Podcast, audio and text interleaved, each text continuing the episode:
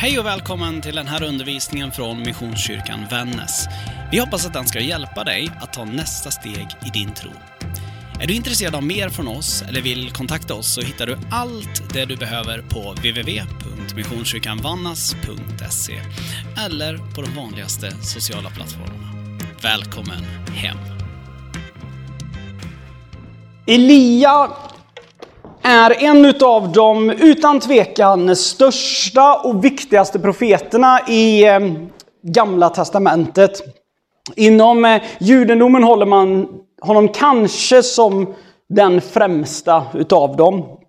Elia han trädde fram i en tid där det var utmanande och svårt i Israel. Han, eh, han berättade för israelerna att om inte ni vänder av från era avgudadyrk, er avgudadyrkan så kommer det bli en svår tid. Och det blev en svår tid. Det var, blev fattigdom och det blev svält. För eh, kanske ett halvår sedan så predikade jag om en av berättelserna kring det här när Elia blir utkallad i öknen och han kom från, gick ifrån en grannstad berättas det, ut till en bäckravin där det bodde en kvinna vars son dog. Och som han återuppväckte från de döda. Just den berättelsen eh, talade Söndagsklubben om förra veckan och då måste jag bara berätta det här för det är en så vacker historia. Där berättade pastor Elin att ja, då var det då berättade de om det här och att Elia kom från en grannstad. Och en av barnen var helt övertygad om att Elia kom från Umeå. Hon sa bara, nej men ja, han kanske inte kom från Umeå. Bara, men du sa ju att han kom från en grannstad. Ja, en annan grannstad bara, det finns ingen annan grannstad. Okej, okay. han kom från Umeå. Så, eh, nog, om, nog om just det. Men det var en utmanande tid, det var jättesvårt och tufft. Det vill jag att du ska bära med dig. Och Elia var allt annat än omtyckt vid just den här tiden. Och så berättas det, nu ska jag läsa ett långt bibelstycke så häng med här nu. Elia kom fram och gav nu folket ett ultimatum. Hur länge ska ni stå där och vela? Om det är Gud som är Gud på riktigt, så följ honom. Men om det nu är Baal, som alltså var en avgud, så följ honom då. Men ni måste bestämma er. Ingen sa ett ord. Ingen rörde en fena. Och Elia fortsatte. Jag är den enda profet som Gud har kvar i Israel. Baal däremot har 450 profeter. Nu får Balsprofeterna hämta två oxar, välja den ena, slakta den och lägga den på veden på ett altare, fast utan att tända någon eld. Den andra oxen tar jag och stickar och lägger den också på veden. Jag tänder inte heller eld. Sedan ber ni till era gudar och jag ber till, och jag ber till Gud. Den Gud som tänder eld på veden har visat att den guden är på riktigt. Bra plan tyckte folket, så gör vi. Välj en oxe och offra den, sa Elia till Balsprofeterna. Ni får börja, ni är ju ändå flest. Be till er Gud, men tänd inte någon eld själva. Sagt och gjort. De tog oxen som de hade fått, offrade den på altaret och började be till Bal. Hela förmiddagen bad de, hör oss Bal! Men inget hände. Inte så mycket som en susning. Och de blev förtvivlade och hoppade och stampade på altaret som de hade byggt. Fram på dagen började Elia att retas med dem. Ni måste nog ropa högre. Ni får tänka på att han är ju en gud. Kanske att han har gått någonstans för att meditera. Eller så är han upptagen med något annat underverk. Eller på semester helt enkelt. För om han bara har tagit siesta kan han väl inte vara så himla svårväckt. De bad högre och högre och skar sig själva med svärd och knivar. Det hörde till deras riter, tills de var alldeles blodiga. Så höll de på en bra bit in på eftermiddagen. Vartenda religiöst knep och knåp de kände till prövade de på för att få något att hända på altaret, men ingenting hände. Inte en susning, inte skuggan av ett svar. Då tog Elia till orda och talade till folket. Nu får det faktiskt räcka. Nu är det min tur. Kom här ska ni få se. Alla samlades runt honom och så byggde han upp altaret igen. För vid det här laget hade det liksom alldeles rasat ihop. Elia tog tolv stenar, en för var och en av Jakobs stammar. Den Jakob som Gud hade sagt detta om. Från och med nu heter du Israel. Han infogade stenarna i altaret till Guds ära. Sedan grävde han ett ganska brett dike runt altaret, staplade ved på altaret, styckade oxen, lade bitarna på veden och sa Fyll fyra hinkar med vatten och ös över både oxen och veden. Sedan sa, när de hade gjort det sa han, gör det en gång till. Och när de hade gjort det så sa han, ja, en gång till. Och när de hade gjort det tre gånger var altaret genomvått och diket fullt av vatten. När oxen nu skulle offras steg profeten Elia fram och bad, O Gud, Abrahams, Isaks och Israels Gud, visa här och nu att det är du som är Gud här i Israel. Att jag är din tjänare och att jag gör det jag gör på din befallning. Svara mig Gud, svara mig och visa folket att det är du som är Gud, den äkta guden. Och att du ger detta folk en chans att omvända sig. Genast skickade Gud dit eld som brände upp offret, veden, stenarna, jorden och till och med vattnet i diket. Hela folket såg vad som hände, kastade sig på marken i förskräckelse och tillbad. Det är Gud som är Gud på riktigt, ropade de. Det är Gud som är Gud på riktigt.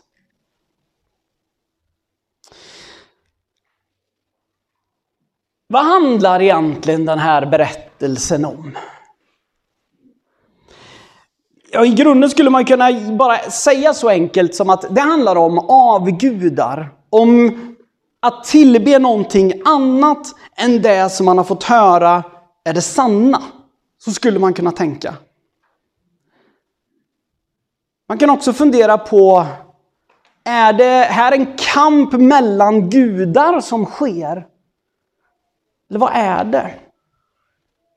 Jag tänker att rent krasst så handlar den här texten främst om konsekvensen av avgudadyrkan. Konsekvensen av vad som sker om vi väljer att sluta tillbe det som vi på något vis har lärt oss, kommit till insikt om och istället tillbe någonting annat. Det handlar om att det spelar faktiskt roll vad vi gör. Att det spelar faktiskt, det gör skillnad.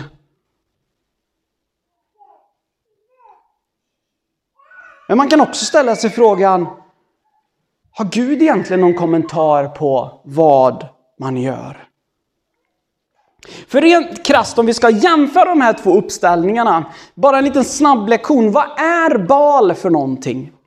Men Baal är en gud som eh, man tänker sig, eller som fanns i liksom den här regionen, de semantiska regionerna, alltså området kring det vi idag kallar Israel ungefär.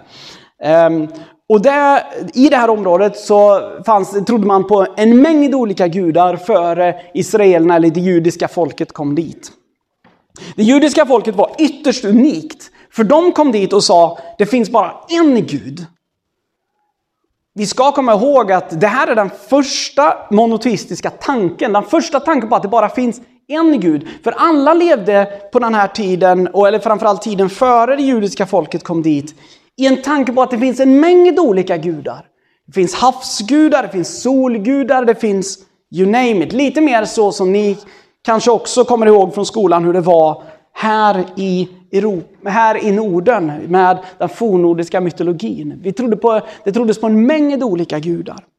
Bal ansågs vara den mäktigaste av dem. På ett sätt skapelseguden. Och oftast då betecknades Bal, och i forskning idag så ser man, har man kommit fram till att oftast så ser man de här Balskulterna cirkulerade mycket kring solen.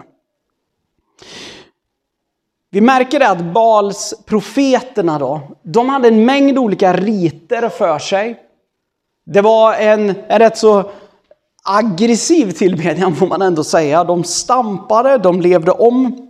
Men också att de tänkte sig att om man tuktade sig själv så skulle Gud lyssna bättre. Alltså deras gud då, Baal, skulle lyssna, lyssna bättre. Elia däremot, han tog en liten annan inriktning. Till att börja med ska vi komma ihåg, det här är en tid när Israel har splittrats upp. Stammarna är inte eniga längre. I den här tiden så reser han tolv stenar som symbol för en var av varje stam i Israel. För att visa, vi är enade under en Gud. Men inte nog med det. För man kan ju fundera på, är det bara för effekt han också häller vatten på det? Jag tänker i grunden att det är lika mycket en bild av att det just hälls fyra gånger tre kannor. Det hälls tolv kannor vatten över. Kanske tolkar jag det här fel, men jag tolkar det som att det är tolv stammar som gör allt för att inte elden ska tändas. En bild för ett folk som har vänt bort. Men det visade istället på, och var hans poäng, bygger på att visa att det spelar ingen roll vad ni folk gör egentligen. För Gud kan fortfarande tända eldar. Hela den här historien, hela den här berättelsen, den liksom ruckar ju rätt mycket i vår tid. För er som är lite äldre i sammanhanget här, eh, eller ja, där så är ju det här med sanning kanske inte så jobbigt. Men bara för att eh, beskriva då om du känner att vadå sanning, det är väl inga problem. Det finns ju sanning och så finns det inte sanning. Så kan jag berätta att i alla fall jag upplever rätt så starkt att jag lever i en tid där sanning är ett svårt begrepp. Ni har hört mig säga det tidigare, men låt oss spola 60-70 år tillbaka i tiden. Aldrig någonsin hade TV sänt ett program som heter Min sanning. Som om det finns en sanning för en människa och det finns en sanning för en annan människa. Det bryter i grunden med vad tanken av vad sanning är för någonting. För sanning är ju inte bara en, en persons perception av någonting eller uppfattning av någonting, utan det bygger på en mycket större grej än så. Men det här är en diskussion om vad är sant och vad är falskt?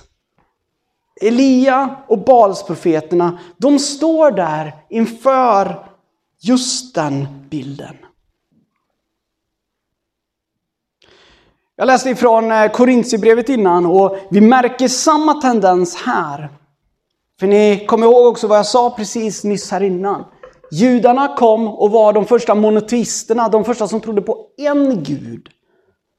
Samma sak har vi ärvt rakt ner. I den kristna tron så talar inte vi om att det skulle finnas olika gudar. Det finns bara en Gud. Vilket lämnar oss bara en enda möjlighet. Och det är att om man tillber någonting annat än den kristna guden, eller den, den, det vi kallar Gud. Det lämnar egentligen bara en möjlighet. Antingen så tillber man Gud fast på ett annat sätt. Det är den ena möjligheten. Eller det andra sättet, det, är, det andra förhållningssättet, det är i så fall att man inte tillber någonting alls.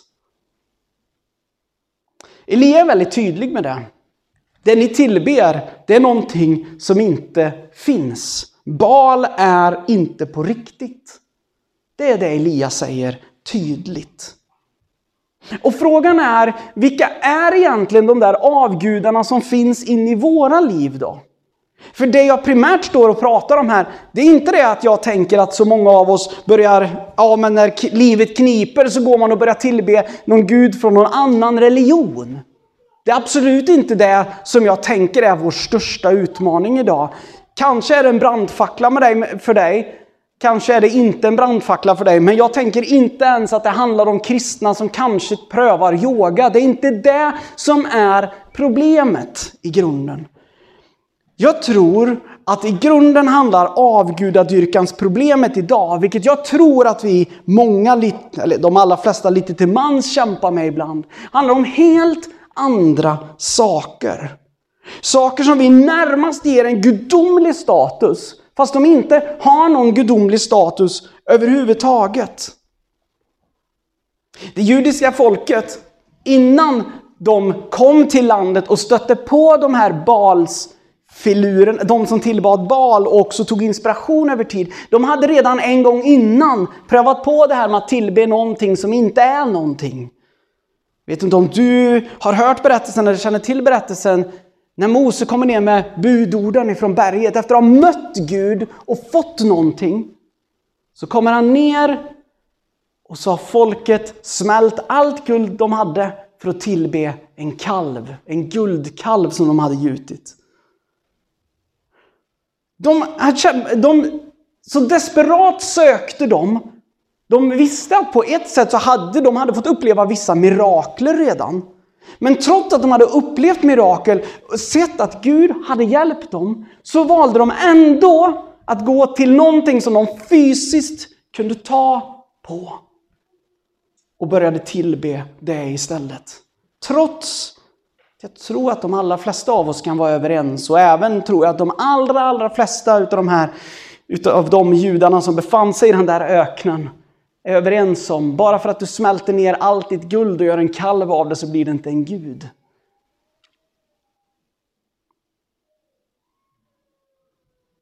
Frågan är, vad tillber du och jag? Då kanske du tänker att, ja men hallå Johan, jag har aldrig börjat tillbe någonting annat. Jag har aldrig knäppt händerna på kvällen och bett liksom gode påskharen liksom hjälp mig. Nej, absolut, det kanske inte är påskharen som heller är det största problemet. Men vad är då att tillbe? Nu börjar det bli jobbigt. För tillbe är inte bara det som vi ber till, knäpper våra händer och ber till. Det är inte bara det vi sjunger våra lovsånger till. Det är inte bara det där. Tillbedjan är också vad vi sätter vår tillit till. Vad vi sätter som det högsta och det främsta i våra liv. Och då vet jag att även i den här lokalen så finns det människor som praktiskt taget tillber sitt arbete. Som sätter sitt arbete så högt, så så viktigt i sitt liv, så det närmast omkullkastar allt annat. Och jag är en av de värsta syndarna ibland er när det kommer till det. Då tänker ni, men Johan, du kan ju inte avguda, dyrka ditt arbete. Du jobbar ju som pastor, det är jättefromt. Ja, frågan är hur fromt det är när man sätter stolthet, att man själv vill känna sig så himla bra i allting. Jag tror att både du och jag flera gånger har också fallit till att när vi går till vår kyrka så blir det saker i vår kyrka som blir viktigare än tron själv.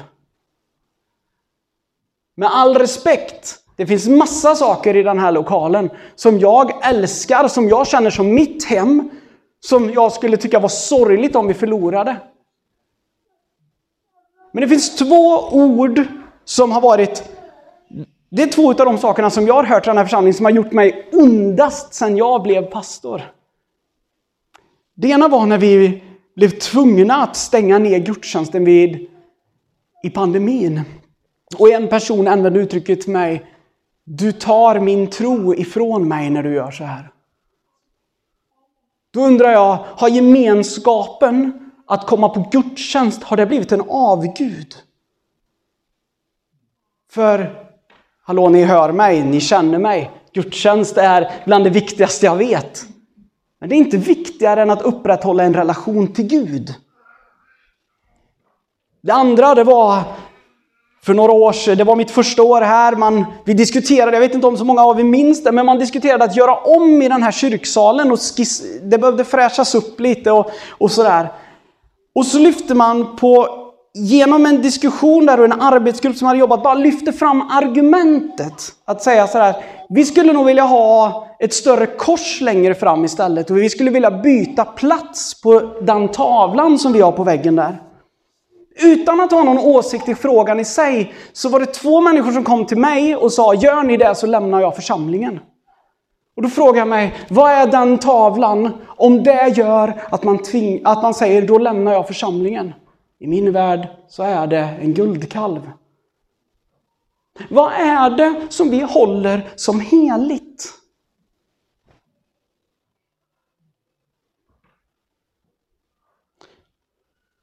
Vad är det stora problemet då?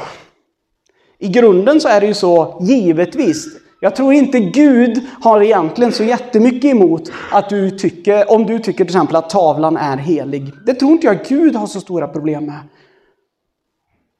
Men när vi vänder oss till Gud, precis som Elia när han vände sig till Gud, precis som Balsprofeterna, så förväntade de sig ett mirakel. Samma sak är det med dig och mig. Många gånger förväntar vi oss mirakler. Och då är problemet att våra avgudar kan aldrig ge ett mirakel. En tavla av C.M. Lindqvist kommer aldrig ge dig ett mirakel. Just den där lovsången kommer aldrig ge dig ett mirakel. En orgel kommer aldrig ge dig ett mirakel. Just att vi, det ska kännas så himla gött när man kommer till vår kyrka och får en kopp kaffe i handen, det kommer aldrig ge dig ett mirakel. Ditt jobb kommer högst troligen aldrig ge dig ett mirakel. Dina pengar kommer högst troligt aldrig ge dig ett mirakel. Ändå verkar vi lägga väldigt mycket fokus på just sådana saker. För skillnaden på avgudar och gudar, eller skillnaden på avgudar och Gud, freudiansk felsägning, det är att en avgud kommer aldrig tända en eld inom dig. Han kanske på sin höjd kan starta ett element så det känns lite varmt och gött för stunden. Men det är bara Gud som kan tända eldar inom dig. Oavsett hur mycket vatten du har dränkt den här elden med. Oavsett vilka, för, liksom, vilka förhållanden du har ställt till med i ditt liv. Vänder du dig till Gud så kan han tända eldar. Genom Bibeln så är det tydligt och visst, man kan tycka att Bibeln är eh, den talar ju liksom i en sak så att säga. Men det är väldigt tydligt. Det finns inte ett enda dokumenterat mirakel i Bibeln som inte är utfört egentligen av Gud. Inte ens när vi tittar i många av de andra religionerna så verkar det inte som att det är en massa små gudar och profeter ute i hörnen som gör så mycket mirakler. Det är sådana som har kontakt med Gud själv. Så frågan blir ju då, hur kan vi förhålla oss till avgudar? Vad ska vi tänka kring det? Och jag tror så här. I grunden så handlar det om, vad vill du att Gud ska göra för dig? Vad längtar du efter att Gud ska göra i ditt liv? I så fall, tillbe den som kan göra något åt det. Tillbe och hoppas inte på någon som inte har någon form utav liksom, historia av att klara av det. Och älskade vänner, det är så här också. Alla i den här lokalen, ni alla har prövat att be till Gud. Ni har upplevt Gud mer eller mindre olika troligen. Men ni alla har närmare till Gud än någon av alla andra avgudar vi kan hitta på. Våra avgudar kräver alltid jobbigare saker än vad Gud själv krävde. Ingenting har förändrats sedan Balsprofeternas dagar. På den tiden så behövde de göra sina riter och de behövde skära sig själva. Även våra avgudar kräver sina offer idag. Det kräver inte Gud. Låt oss be. Herre, tack för att du är den enda sanne guden. Herre, tack för att det är dig vi kan lita på, kan göra mirakler. Herre, vi kan aldrig gå till någon annan. Herre, jag ber att du ska komma och tända en eld i var och en av oss. Herre, kom och slå eld i det där sura virket som kanske har uppstått ibland. Herre, genom våran besvikelse, genom våra tårar. Herre, kom och tänd en eld igen. Herre, hjälp oss att se vad som på allvar kan leda oss rätt. Kom och peka ut för oss vad som på allvar kan göra skillnad i våra liv. Och framför allt, Herre, var tydlig mot oss vad som inte kan göra skillnad. I ditt heliga namn, Jesus. Hej, det här är pastor Johan. Så roligt att du lyssnat på den här podden ifrån oss. Jag hoppas att den har fått betyda något för dig min bön det är att det du fått lyssna till, att det faktiskt har gett dig praktiska verktyg för ditt liv framåt. Vill du veta mer om oss så spana gärna in vår hemsida. Där finns också fler poddar och undervisning. Har du lyssnat genom Spotify eller till exempel en poddapp så får du mer än gärna prenumerera på vår kanal. Gud välsigne din vecka.